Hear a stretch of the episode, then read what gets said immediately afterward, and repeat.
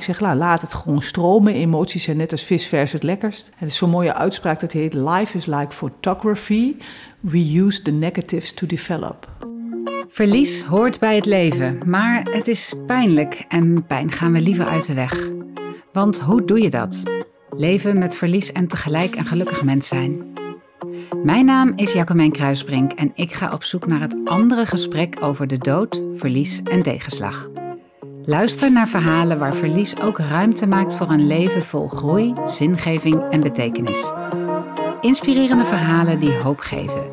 Dit is Shit is Mest voor Groei.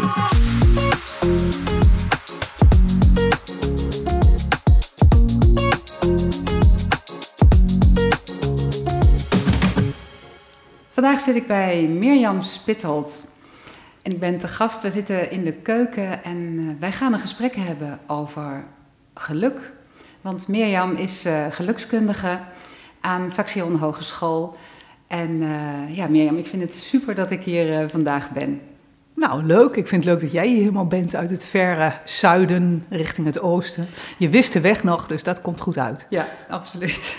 dat, dat, is goed. Ja, het is fijn om hier te zitten. Goede plek. We gaan, uh, we gaan het hebben vandaag over uh, geluk. En de podcast gaat natuurlijk ook over uh, situaties waarin je je niet zo gelukkig voelt. en toch kun je daar geluk in vinden. Je hebt daar een heel boek over geschreven. Wil je gelijk of wil je geluk? Ja, dat klopt. Dat is al even geleden, hè? Dat je... Ja, dat is volgens mij nu ruim twee jaar geleden. Ja. Ruim twee jaar geleden.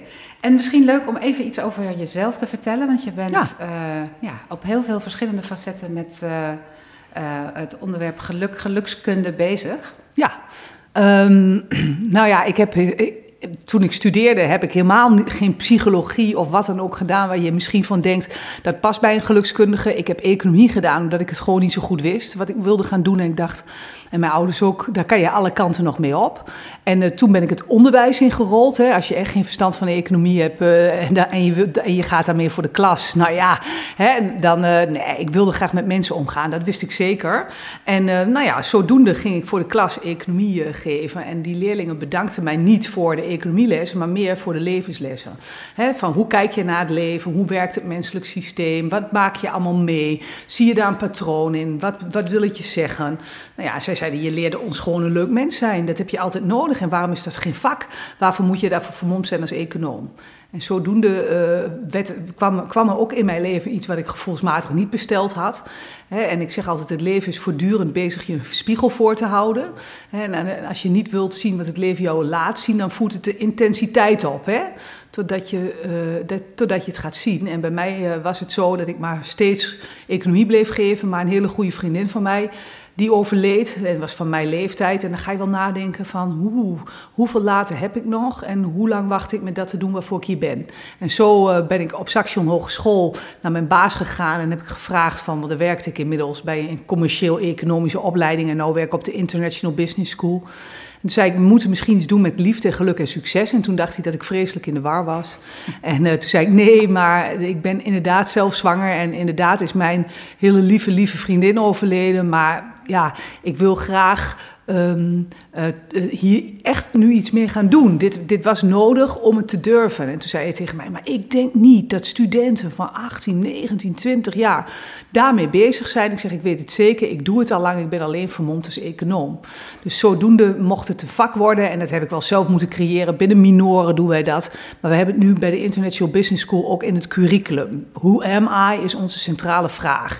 Want als je conscious uh, business wilt uh, bedrijven en je weet niet wie je zelf bent, hoe kun je dan ook bewuste beslissingen binnen een bedrijf Wauw, nou, dat, uh, dat is in een notendop eigenlijk ja. waar we het nu de komende tijd over gaan hebben. Ja. want je noemt eigenlijk al meteen een aantal hele belangrijke dingen. Je bent vermomd als econoom. Ja.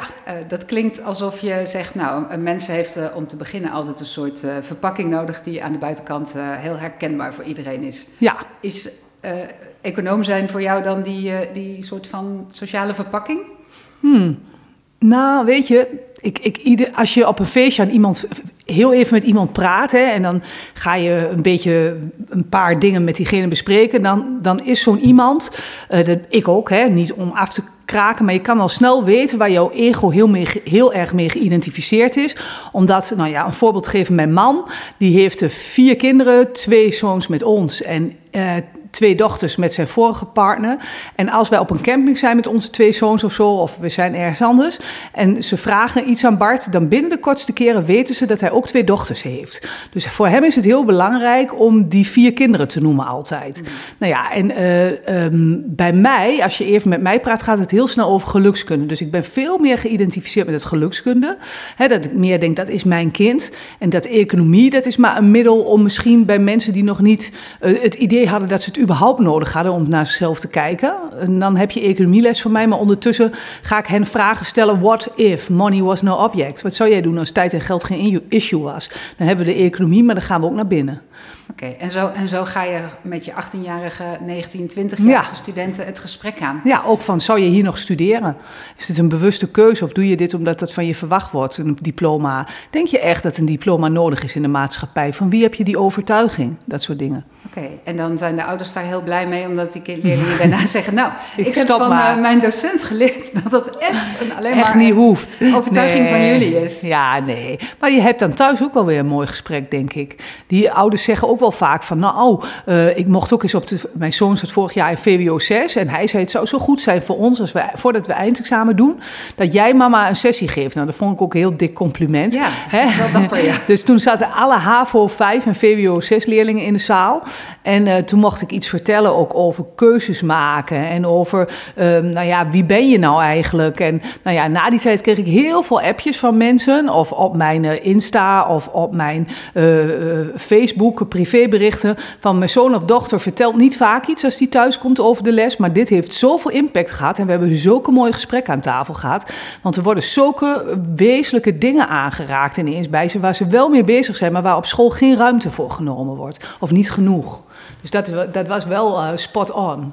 Klinkt eigenlijk alsof je uh, je leerlingen uh, tools, middelen, trucjes noem jij het, ja. geeft om een soort herijking van zichzelf te doen. Verandert je zelfbeeld daardoor? En is wel meer, bewust, meer bewustzijn. En ook van hoe werkt het nou eigenlijk? Want um, hè, ik, misschien vind je dat je vroeger niet genoeg gezien werd door je ouders.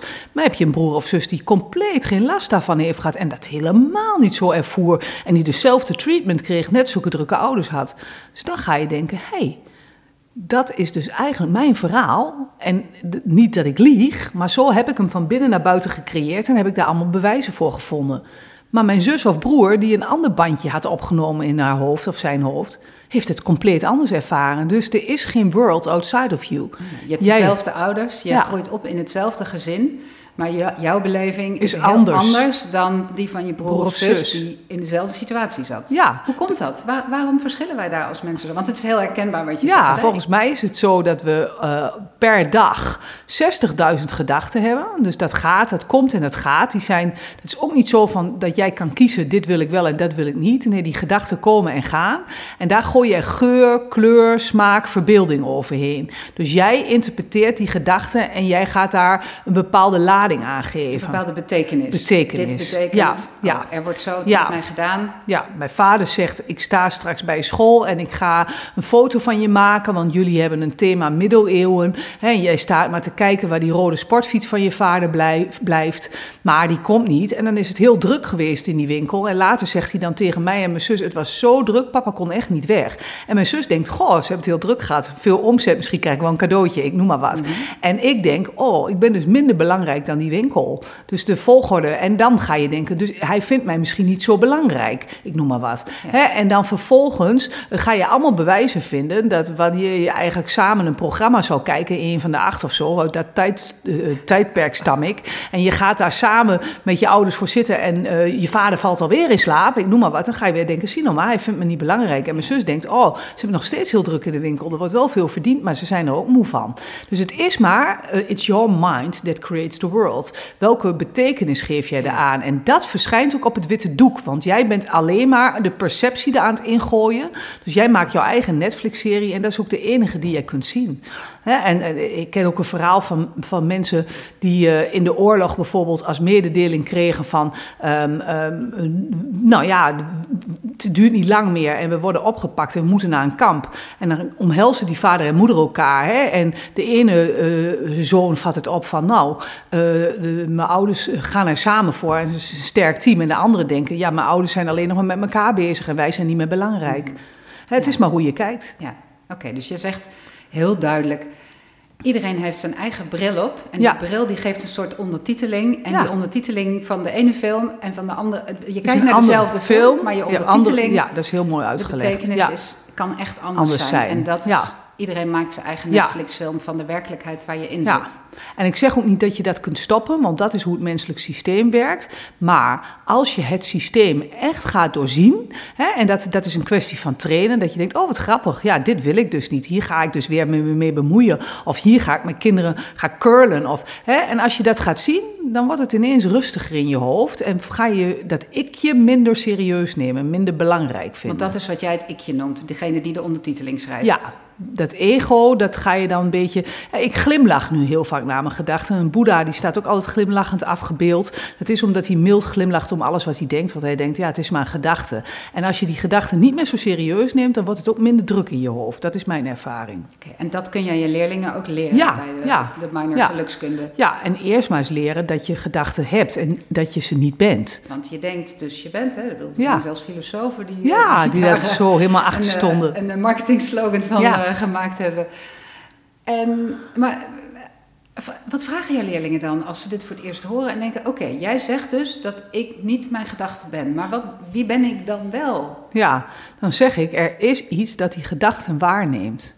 Dat is een constante. Als we bijvoorbeeld de levenslijn interviewmethode doen met elkaar, dan laat ik ze highs en lows in hun leven optekenen. Ga ik ook vragen hoe oud denk je dat je wordt en wat ga je nog meemaken? Wat denk je? Sommige leerlingen zeggen ik word niet zo oud. Mijn vader was ook dood met 40, kreeg een hartaanval. Ik lijk op hem, dat krijg ik misschien ook. En dan heb wel hele mooie gesprekken. Maar dan zeg ik, nou, en ze schrijven bijvoorbeeld ook op toen ik zes was, ging mijn oma dood. Dat was mijn aller, allerliefste. Dus dat is iets wat ik laag neerzet. Ja, en ik vond het heel fijn dat ik uiteindelijk toch een MBO-diploma heb gehaald, zodat ik nu naar het HBO kan. Want iedereen zei dat ik niet zo goed kon leren, dus dat is een high.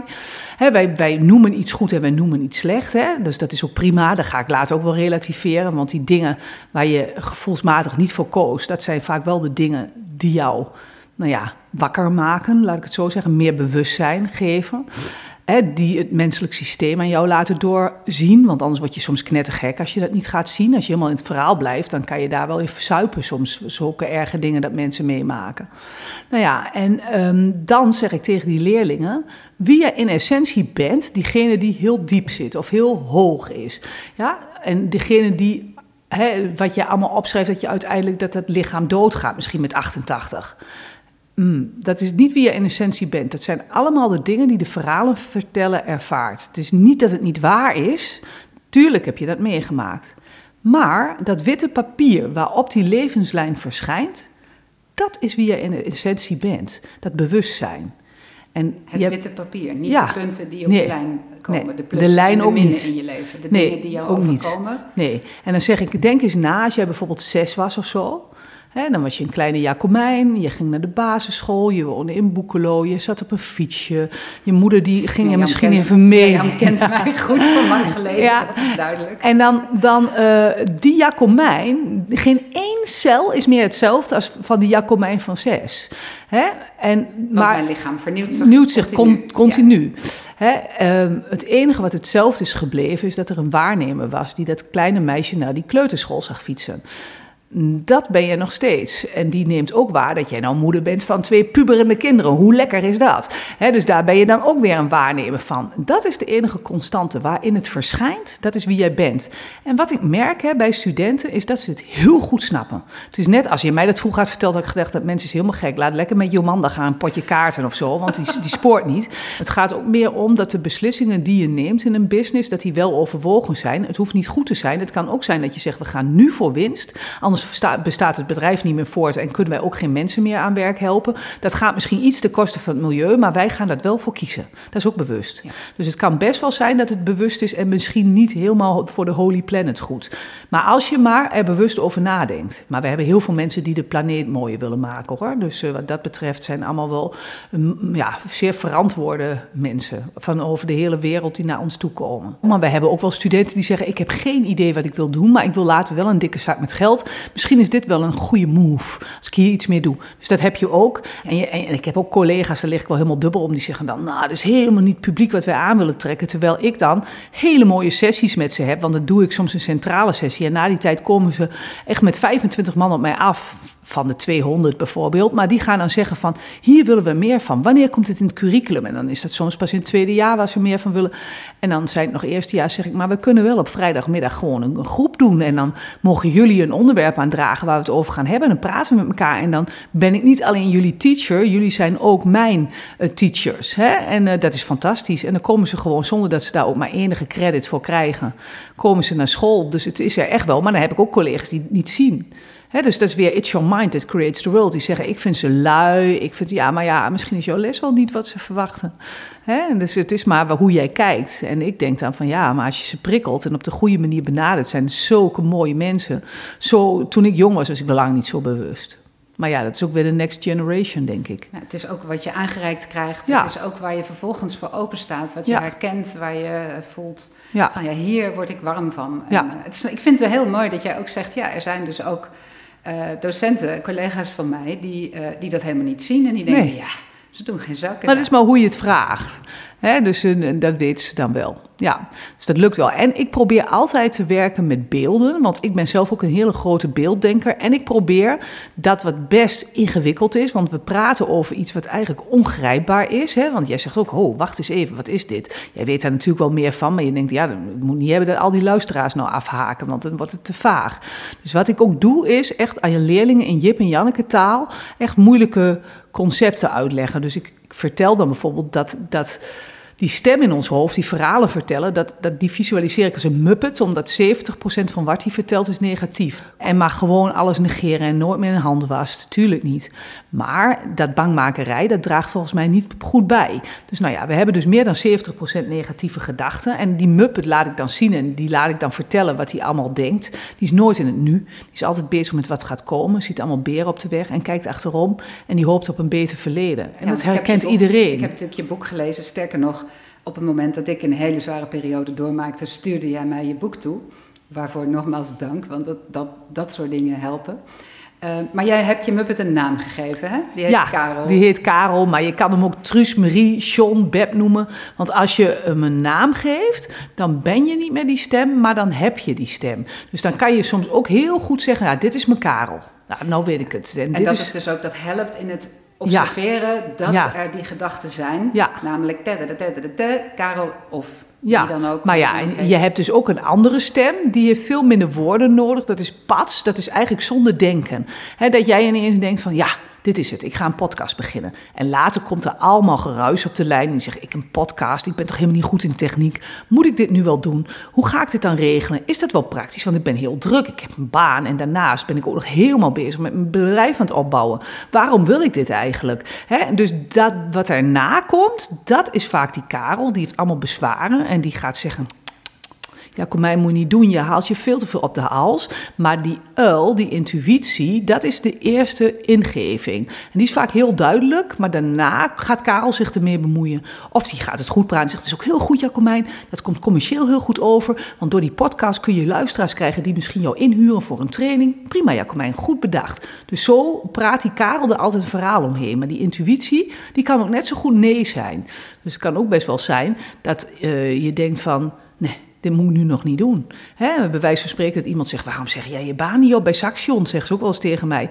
En dan diep van binnen heb ik heel lang gedacht, nee. En nou is het ook coronatijd, dus dat is maar goed ook. Want naast dat ik op Saxion uh, werk, spreek ik ook heel vaak. Dus voor artsen, voor uh, uh, verpleegkundigen, voor mensen in de bouwwereld, voor, nou ja, voor van alles en nog wat gemeenten, onderwijsinstellingen. Dus ik spreek heel vaak in het openbaar. En daar kon ik tot voor kort heel goed van leven. Dus daar kon ik echt makkelijk Saxion aan de kant zetten en dan ook nog veel meer verdienen, omdat je dan niet de verplichting van Saxion had. Maar ik dacht altijd, als ik nou aan het eind van de dag eens drie dingen opschrijf die me echt geraakt hebben, dan is dat heel vaak ook het contact met die jonge mensen, met die studenten, die je soms vier jaar lang hè, eh, met ze meeloopt. En um, nou, de, weet je, in bedrijven of in zorginstellingen mag je windmeerhelling af misschien wel vijf keer komen. Maar daarna is de zak met geld op en dan moeten ze het zelf verder doen. En, en, en ben ik niet meer aan het meelopen met dat bedrijf. En misschien dat ze een jaar later nog een APK met mij doen. Hè, maar niet zo intensief als dat ik die studenten zie. Dus um, toen dacht ik, nee, dat ga ik niet doen. Niet met zoveel woorden, maar het was gelijk een nee. En iedereen zegt, waarom dan niet? Durf je dat niet? Ben je niet een echte hondennemer? in hart en nieren. En toen zei ik, nou volgens mij is, is dat een, van de mooiste dingen die ik mag doen. Dus daarom ga ik uh, dat niet opgeven. Ook al staat het niet in verhouding met wat ik verdien als ik ergens spreek. Maar daar gaat het nou niet om. Het gaat niet om geld. Het gaat gewoon om het gevoel dat je hebt wat je voor die studenten mag betekenen.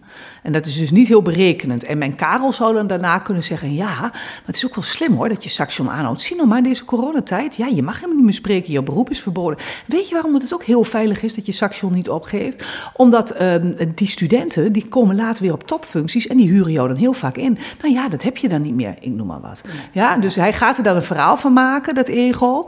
Maar eigenlijk is het een diepe weten. Dat je daarvoor hier bent. Een soort van zielsmissie. Dat klinkt ook wel vaag, maar ja, ik heb wel zoiets dat als ik bijvoorbeeld uh, aan het werk ben, maar ook als ik spreek hoor, op podia, dan gaat het zo vanzelf. Dan ben ik in een soort van zone. Uh, waar eigenlijk helemaal geen tijd is. En ik bedenk van tevoren wel natuurlijk, want ik heb met die organisatie gesproken waar het over moet gaan. Soms is het over succes, Soms is het over verbinden, soms is het over geld, soms is het over um, uh, de coronatijd. Dus ik weet wel wat het onderwerp is, maar ik ga daar eigenlijk naartoe en spreek vanuit de stilte. Dus het is altijd anders. Het is altijd weer anders. En dat is wel uh, dat ik echt op intuïtie werk. En die intuïtie, dat noem ik eigenlijk de uil. En de uil is, in het, ja, is een wijs dier in onze cultuur. De uil is helemaal niet zo heel wijs. Maar dat staat dus eigenlijk voor alles wat in het universum opgeslagen is aan informatie, dat je daarbij kan. En uh, dat, dat is intuïtief. En ik denk ook dat alle mensen ook wel genieën zijn hoor. Maar uh, dat, nou ja, zoals Einstein is toch wel een voorbeeldje. Of uh, Escher of Ingvar Kampen. Die hebben allemaal um, um, uh, in het winkeltje van het universum geshopt. En uh, ja, zo'n relativiteitstheorie of zo, dat zou dan van Einstein zijn, maar dat is gewoon opgepakt hier. Het universum zegt hij zelf ook. En hij was hier om dat als door de vorm heen neer te zetten. Hij kon dat. Hij kon dat stuk snappen, pakken. Daar was hij toe uitgerust. Daar had hij de hard en de software voor voor elkaar. Ja, maar het ja. is wel zoiets geniaals, dat komt niet van het mens zelf. Zo ja. zie ik het. Zijn hogere doel was om te delen voor een groter geheel, te vertalen op een manier dat dat het voor meer mensen toepasbaar was. Ja. En dat anderen daarmee verder konden gaan en ja. door konden borduren. Ja. ja, en ik denk ook echt wel dat mijn taak hier is om het gelukskunde op de kaart te zetten in onderwijsland. Maar je hebt ook het talent om uh, dat te vertellen aan kleuters. Ja. Want je hebt uh, onlangs uh, een tweede boek uitgebracht uh, samen met. Uh, Danielle Foekens Harms heb ik dat gedaan. En dat is een oud leerling die bij mij in de klas zat. Economie had ze ooit van mij gehad. Op de HAVO. En toen ineens kwam ze mij weer tegen. Omdat ik bij Van der Valk voor alle leraren van de basisschool bij, in Enschede voor VCO moest praten. Nou, zij zat daarbij. Er waren heel veel mensen in die zaal. En nou, toen zij daarbij zat, dacht ze: wow dit is een verhaal. Ik, ik, ik, ik wilde dat ik dat als juf aan de kinderen kan vertellen, want zij was juf. Maar ik wist dat natuurlijk niet, wie er allemaal in de zaal zitten, wat ze dan denken. Maar een half jaar later kregen ze een follow-up van mijn training, hè, weer op zo'n studiedag. En toen had zij al wat poppetjes gehaakt. Zij kan ongelooflijk goed haken. Nou, ik kreeg geen haaknaald in de hand, maar zij kan dat heel goed. En dan had ze een poppetje gehaakt met een hele bos blonde krullen, want dat heb ik ook. En ze had een monstertje gehaakt, dat was dan het ego. Ze had een gehaakt en dat had ze in een koffertje zitten en ze werd naar voren geduwd door haar collega's. Haar ego dacht van, nou, de Mirjam heeft het veel te druk en die heeft hier helemaal geen tijd voor. Maar toen zei ze, ja, ik heb het idee, ook vanwege mijn privé-situatie. Hè, zij heeft ook twee kinderen en ik had zo graag gewild dat ik soms wat meer mijn kinderen had kunnen zeggen, nou, dit is de verhalen vertellen en volgens mij is dit jouw innerlijke wijsheid. En hè, dat je daar een naam aan kunt geven. En als kinderen nog heel jong zijn, dan zijn ze eigenlijk alleen nog maar zonder die muppet. Want als als je heel klein bent, ben je helemaal hier en nu. Je kan geen klok kijken. Je moeder zegt, kom, we gaan naar turnen. Uh, je kan voor geen meter lezen, maar je hebt helemaal niet door dat het al zou moeten kunnen. Hoe lekker is dat? Totdat juf dat op een groot digibord gaat zetten. Wie bij de maankinderen hoort en wie bij de zonkinderen. Nou, kijk naar de luizenmoeders. De moeders gaan helemaal op aan. En het ego is geboren. Ongeveer na, na anderhalf jaar is het er al een beetje hoor. als je gaat grijpen naar je speelgoed en je roept mij, dan is de afgescheidenheid begonnen. Dan is de geboorte van Karel, zeg ik. Maar in het begin ben je helemaal één en helemaal, helemaal oké. Maar naarmate je ouder wordt, verlies je dat. En gaat die mopperende muppet steeds meer achter het stuur. Dus zij zei, hoe mooi is dat, het als het geheim nog weten, dat je daar al een beetje naampjes aan kunt geven. Nou ja, en uh, toen zei ze van, wil ik graag dat jij in de hoofdrol zit. Hè, en dat, dat jouw verhaal verteld wordt. Nou, ik s'avonds of de volgende dag een hele eh, mail gemaakt met alles wat ik dan voor me zag. Maar ik zeg, ja, dan moet het wel een tweeluik worden met een andere boek. En daar heb ik een Muppet gekozen voor die verhalen vertellen. Zou je ook een Muppet kunnen haken? En ik had vroeger knetterrooie krullen. Daar werd ik heel erg mee gepest. Zou je geen knetterrooie krullen?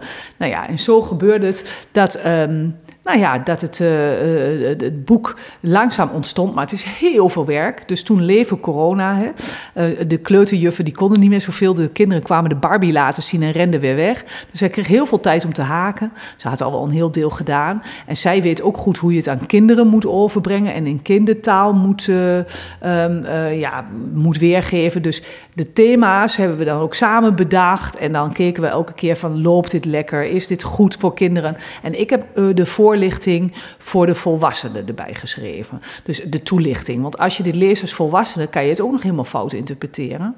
En ja, ik zeg altijd: The way we talk to our children becomes their inner voice. Dus zoals wij tegen onze kinderen praten, dat is de, de band die de Muppet in de kop afspeelt. Dus ja, en het is, als je het als ouders, en eigenlijk zeg ik ook stiekem, is het boek. Het is heel veel te zien, want het is een prentenboek geworden. Dus heel leuk voor kinderen. Er zit ook nog een muis bij. Het is echt een fantastisch boek.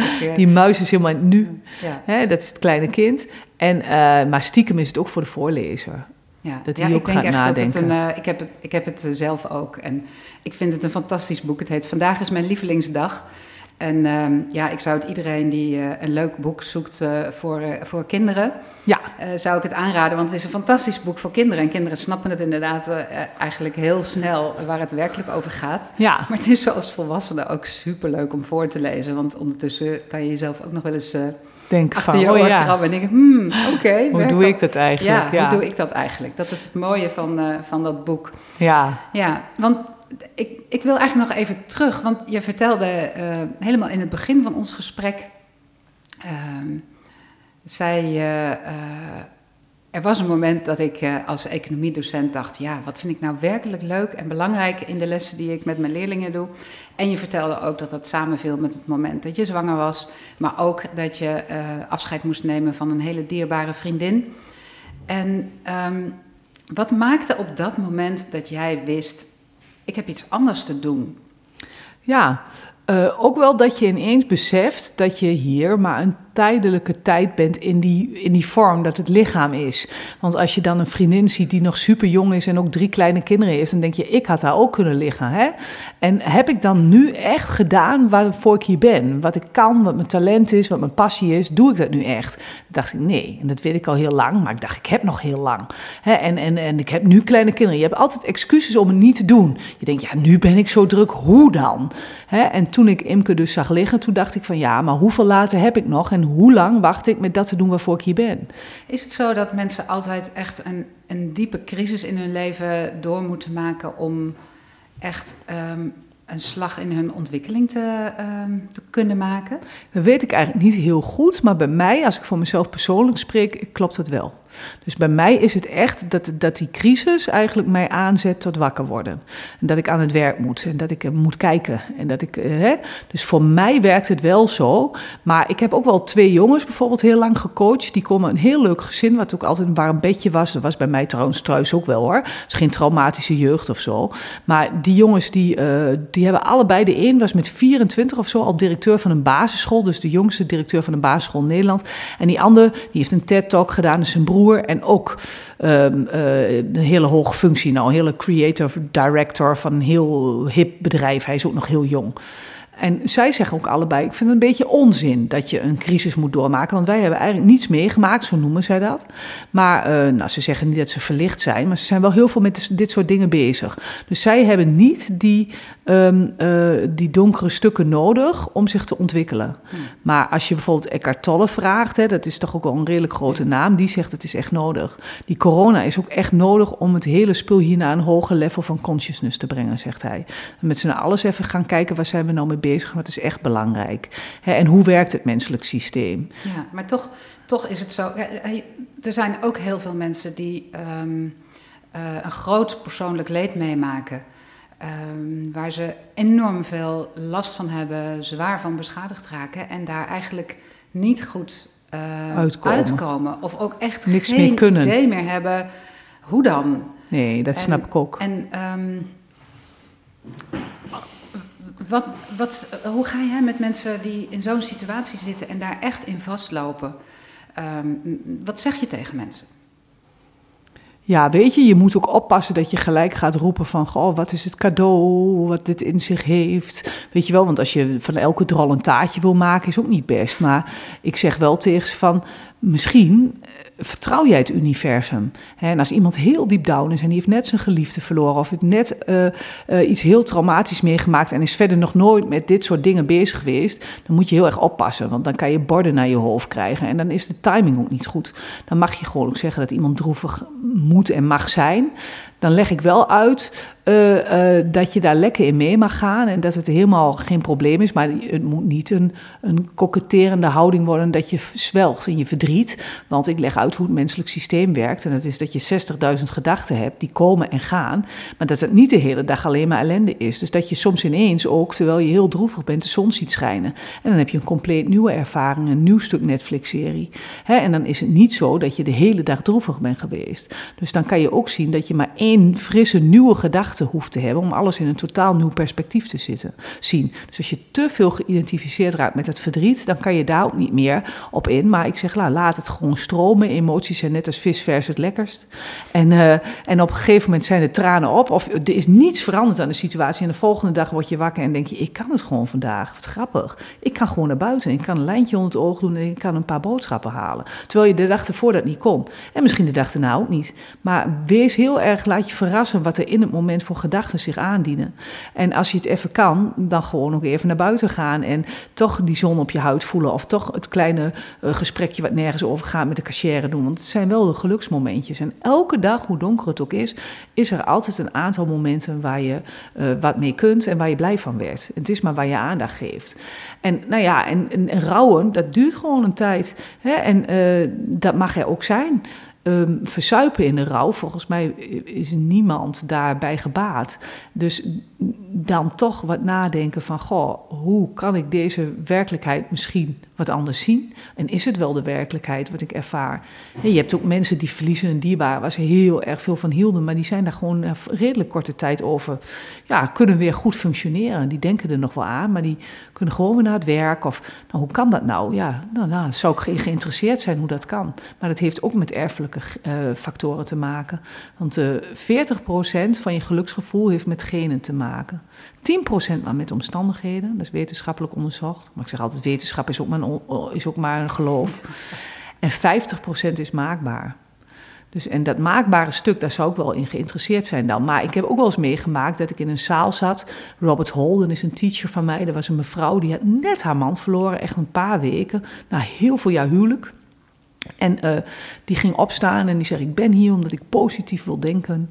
Hè, en ik wil dit niet. En die wilde gewoon die pijn niet aan, dat verdriet niet omarmen. En toen zei hij ook: van Hoe lang is het geleden dat jouw man is overleden? Nou, dat was echt een paar weken. En toen zei hij: van, Maar dit kan niet wat jij doet. Jij zult momenten hebben dat je verdrinkt in je eigen tranen. En als je dat niet toelaat, hè, dan, uh, dan zal het je nooit loslaten. Dus het mag er ook zijn.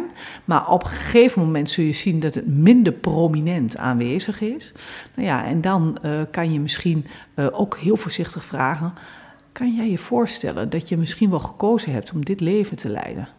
En waarom zou je dan dit hebben willen meemaken? Wat ga jij hier uithalen?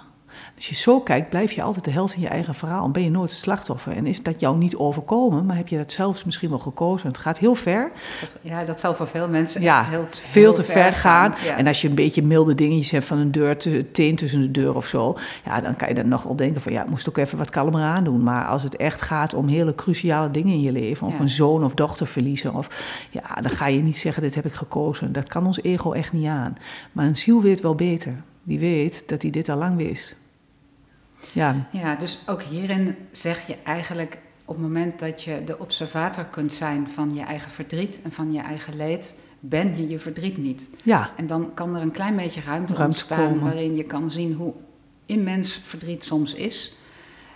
Um, en dat er daarnaast misschien ook nog wat anders kan zijn, al is het maar een fractie, of het vertrouwen dat, het, dat er weer wat anders gaat komen. Ja, ja. ja. En dat het je misschien ook wel weer verder brengt. Er is zo'n mooie uitspraak dat heet: Life is like photography. We use the negatives to develop. Het leven is als fotograferen en we gebruiken de negatieven om te ontwikkelen. Dus uh, ja, eh, daar geloof ik persoonlijk wel in. Maar dat is ook maar weer hoe je kijkt, hè, want er is geen waarheid. Maar ik ben helemaal met jou eens. Het ligt er natuurlijk wel aan of je het oppakt. Want er zullen ook mensen zijn die heel veel meemaken, maar die de slachtofferrol aannemen, die maar blijven eten om het niet te voelen, die maar misschien roken, drinken, snuiven, heel veel kopen die, de, die het gevoel dus niet aangaan. En dan heeft het negatieve natuurlijk niet dat wat je hoopt dat het zou kunnen uh, doen voor je. Dus dat ligt echt wel aan je genen. De een kan het ook wel beter dan de ander. En de een, kijk, zoals die Robert Holden, Eckhart Tolle, Louise Hay, dat zijn allemaal mensen waar ik heel veel aan heb gehad. Oprah Winfrey. En uh, zij hebben allemaal misschien wel een jeugd gehad waarvan je denkt, nou, die ga je niet kiezen als kind. Daar lusten de honden geen brood van. Manisch depressieve ouders, al snuivend, suipend, um, seksueel misbruikt. Dat, dat, ga je niet denken van, nou, dat klinkt heel goed. Maar zij hebben het nodig gehad om. om uh, uh, het menselijk systeem te kunnen doorzien en om een spiritual teacher te worden. Dat heeft voor hen gewerkt. Maar zij hadden die kracht. Maar misschien hebben ze wel broers of zussen die daar helemaal niet aan toe zijn gekomen. En die misschien wel levenslang in een inrichting zitten omdat ze het niet aankonden. Dus het ligt ook maar weer van, heb jij die kracht in je? Heb jij dat stuk in je, die power, om dan ineens wel wakker te worden? En dan kan je die 40% erfelijk bepaald ook echt overspoelen. Maar sommige mensen hebben ook stofjes misschien tekort in hun hoofd... of uh, een ander programma erop staan... waardoor ze er niet in geloven en er ook niet naar luisteren... en denken, jij weet niet wat ik heb meegemaakt, dit is zo vreselijk, dit, dit, dit kun je niet verwerken. Ja, en ik zie toch ook echt wel mensen waarvan ik denk, zo, als ik dat zou meemaken, zou ik knettergek worden. Maar dat is dus blijkbaar niet zo, want die, die doen het goed. dan denk ik, wow, wat inspirerend. Ik vind dat soort mensen wel heel inspirerend. Die, ondanks dat ik denk, die zijn echt veel verder uh, weggezakt dan dat ik ooit ben geweest. Maar dat ze dan nu toch opstaan en eigenlijk hele mooie dingen doen. Ja, dan denk ik wel, kan dus wel. Als ziel heb je volgens mij een soort van afspraak. Dat klinkt heel vaag. Maar voordat je hier kwam, heb je een soort diep verlangen wat je wilt leren. En daar passen ook bepaalde ouders bij, of je ze leuk vindt of niet. Soms denk je, hoe heb ik dit dan kunnen uitkiezen? Nee, maar dat is nou eenmaal wat het is. En. Ehm, en, dat eh, ga je dan leren. En als het op een gegeven moment klaar is, hier ga je uit de vorm. En dan ga je uh, dat heel... Dat is jouw manier om dood ja, te, beschrijven. Ja. Je gaat uit de vorm. Ja, dus jouw energie. Ja, dat is jouw lijf blijft nog wel. Uh, dat is de huls, dat is waar je in gewoond hebt. Nou ja, dat gaat dan in een oven of onder de grond, wat je maar kiest. Maar de energie die jij was, het leven, dat gaat uit dat lijf. En dat is er nog wel in een andere dimensie. En dat is niet hier, wij kunnen het niet pakken, we kunnen het niet zien. Maar het is er nog wel. En dat gaat weer nieuwe dingen ervaren. En dat kan ervoor kiezen om weer in de vorm te gaan en nog een keer geboren te worden. En andere dingen te kunnen helen hier of te kunnen leren of te kunnen oplossen. Maar voordat je weer in die andere vorm gaat, of misschien wel naar een andere planeet waar je hele andere dingen leert, waar geen ego is, ik heb geen idee. En uh, dat is ook nog wel vaag, maar ik denk wel dat je um, uh, als ziel dus een bepaald verlangen had, hier dingen wel hebt kunnen doen in het leven, bepaalde afslagen toch hebt gemist, niet hebt gepakt. En dat je dat opslaat op de harde schijf, waarvan het geleerd is en wat niet geleerd is, daar wordt weer een combinatie bij gezocht van een vorm die het wel weer kan gaan ervaren en die het wel weer leert. En daarom hier in de dualiteit, wij noemen iets goed en wij noemen iets slecht. Hè? Maar zo mooi zegt uh, Shakespeare, uh, there, there's nothing good or bad, only thinking makes it so. Dus er is geen goed of fout. Dus je komt weer terug bij de Netflix-film die langskomt, ja, ja. Um, die is er gewoon. Ja. Er is geen goed of fout. Het is de ondertiteling, die de maakt, thinking die maakt of het goed of fout is. Ja. ja, en dat is ook de illusie waar we hier in leven. En die Netflix-serie vinden wij ook fijn om te bekijken. Maar als jij een echte Netflix-serie kijkt, dan zeg je ook niet van: oh, niet doen, niet vreemd gaan. Oh, dat vind ik zo vervelend. Oh, moet je nou zien wat ze met haar kind doet? Nee, die Netflix-serie is gewoon aan het afspelen. En jij kijkt en je gaat soms even huilen omdat die man vreemd gaat. En soms ga je lachen omdat die mevrouw een baby krijgt. En nou, helemaal mooi. Uh, daar wil je niet aan sleutelen. Maar aan onze eigen Netflix-serie willen we wel constant sleutelen. Nou, wat je kunt doen is gewoon wat meer de waarnemer zijn en denken: gewoon interessant wat zich hier op het witte doek afspeelt. Wat kan ik daarmee? Wat wil het mij vertellen? Ja. en, en, en een hele interessante vraag is om jezelf te stellen. Die heb ik van Einstein, dus die, die, die heeft wel eh, redelijk interessante dingen. En die vraagt van, leef jij in een vriendelijk of een vijandig universum? Dus wat er gebeurt, is dat voor jou of gebeurt het tegen jou? En soms zul je denken, ja, als ik verkracht ben, dat is toch niet voor mij. Ik had nou ook een meisje in de les en dat was ook wel mooi, want wij hadden corona en daardoor moesten we heel veel online doen. Ze moeten bij mij grote levensvragen aan de orde stellen. Dat hoeven ze niet te beantwoorden, maar wel dat je je inner world wat laat zien met andere mensen. En het kan bijvoorbeeld zijn van hoe kan ik een bijdrage leveren aan een beter milieu. Dus het kan een heel groot vraagstuk zijn, maar het kan ook zijn van waarom? Uh, uh, of wat kan ik leren van de verkrachting die ik meegemaakt heb toen ik klein was of jong was. En er was ook één leerling die daar een heel mooi filmpje over heeft gemaakt. En een heel stuk heeft gedaan. En en, en ook heel mooi heeft toegelicht in de klas, maar die durfde dat ook beter, omdat we het allemaal online deden. Dus ze kon de camera uitdoen, dus we kon het filmpje aanzetten, ze kon het geluid uitdoen, kon zelf gaan snikken, zag niemand oh, a, e, e roepen. En daarna heeft ze ook gezegd, je mag wel wat vragen stellen, maar als ik het, uh, zeg, en als je het te spannend vindt, dan hoef je niks te zeggen. Maar ze deed het heel goed en uh, wij mochten haar vragen stellen. En uh, ze wilde ook absoluut dat de opname gewist werd, dus we gingen hem ook niet opnemen. En, want haar familie wist dit niet eens. Hè, maar het was wel even zo fijn om het te delen. En ik vroeg ook gelijk van, heb je je er schuldig over gevoeld? Ze was hartstikke jong toen het gebeurde. Echt met een volwassene die dat deed. Ja, zegt ze nog steeds. Zo erg is dat ego, dat hij dan ook nog denkt dat jij als klein kind schuldig bent aan een verkrachting. Dat je iets fout hebt gedaan. Dus er zit dan een diepe wortel in van, ik ben niet oké. Ik ben niet goed genoeg dat mij dat is overkomen. Dat heb ik uh, eigenlijk veroorzaakt. Nou, dat was wel heel mooi om daar met elkaar over te hebben. En zij zegt, dat heeft ook een heel stuk van mijn... Uh, nou ja, mijn inner proces geheeld. Dat je ook snapt van, hé, wat gek dat ik zo'n kronkel in mijn hoofd heb. Dat ik zelfs dacht toen ik zo jong was, dat ik daarvoor verantwoordelijk was. Dus je bedoelt door hiermee aan de slag, slag te gaan? Ja, heeft zij toch een heel stuk geheeld. En vond het ook heel fijn dat het niet meer alleen haar geheim was. Was het ook zo dat zij meer de observator van haar eigen gedachten en ideeën kon worden. En dat zij zich daardoor op een andere manier bewust werd van... hé, hey, ik voel me er nog schuldig over. ja, ja, de, diegene, ja, ja, er schuldig, over. En dat zou ik ook anders kunnen. Op het moment dat je daar niet mee samenvalt, kan ik me voorstellen dat je ook de vraag kunt, zeggen, kunt stellen aan jezelf...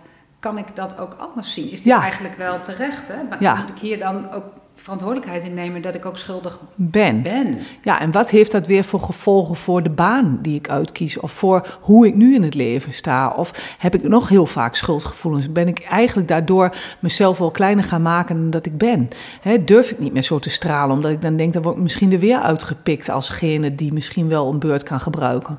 Dus zij eh, heeft, heeft daar heel veel bewustzijn gekregen, zonder dat we al te gedetailleerd, want zij had ook een filmpje gemaakt wat best, je had door dat het over haar ging, maar zat geen foto van haar bij. Hele mooie muziek die dierbaar was voor haar eronder.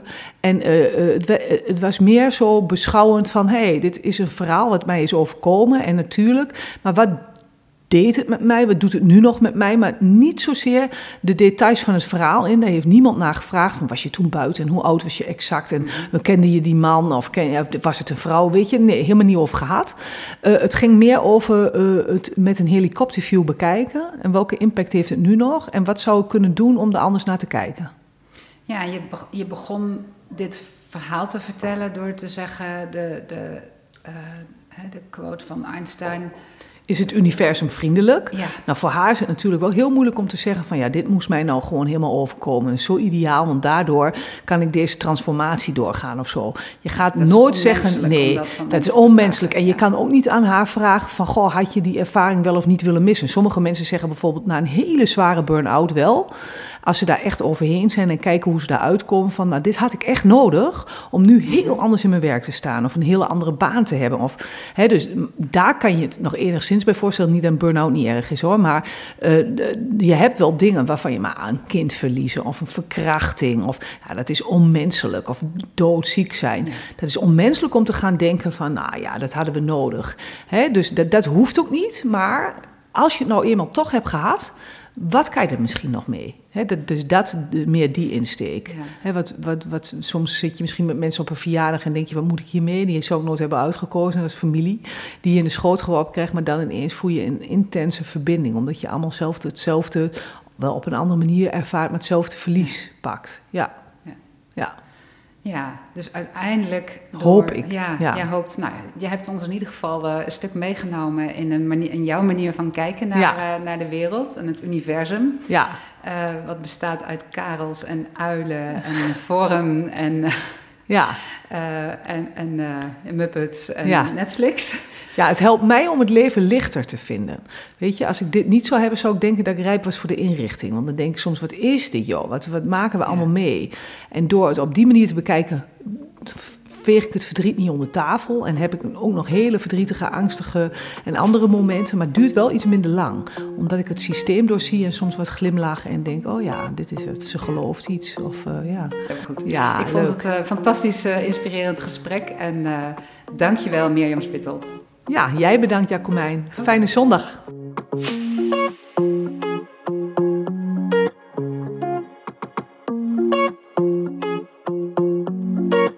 Geweldig dat je weer luisterde naar Shit is Mest voor Groei. Misschien heb je zelf met verlies te maken gehad en ben je op zoek naar verhalen die inspireren en vertrouwen geven. Dan hoop ik dat deze aflevering je weer nieuwe inzichten heeft gegeven. Geef dan 5 sterren en abonneer je direct, want dan mis je geen enkele nieuwe aflevering meer. En ken je anderen die dit ook wel kunnen gebruiken? Ik vind het heel fijn als je de podcast deelt en me helpt in mijn wens om de gesprekken over dood, verlies en tegenslag doodnormaal te maken. Ook het geven van een review via je podcast-app helpt daarin. Op die manier kan ik nog meer mensen bereiken. Wil je meer over mij weten of zelf met mij aan het werk? Ga dan naar breathinbusiness.nl/instagram.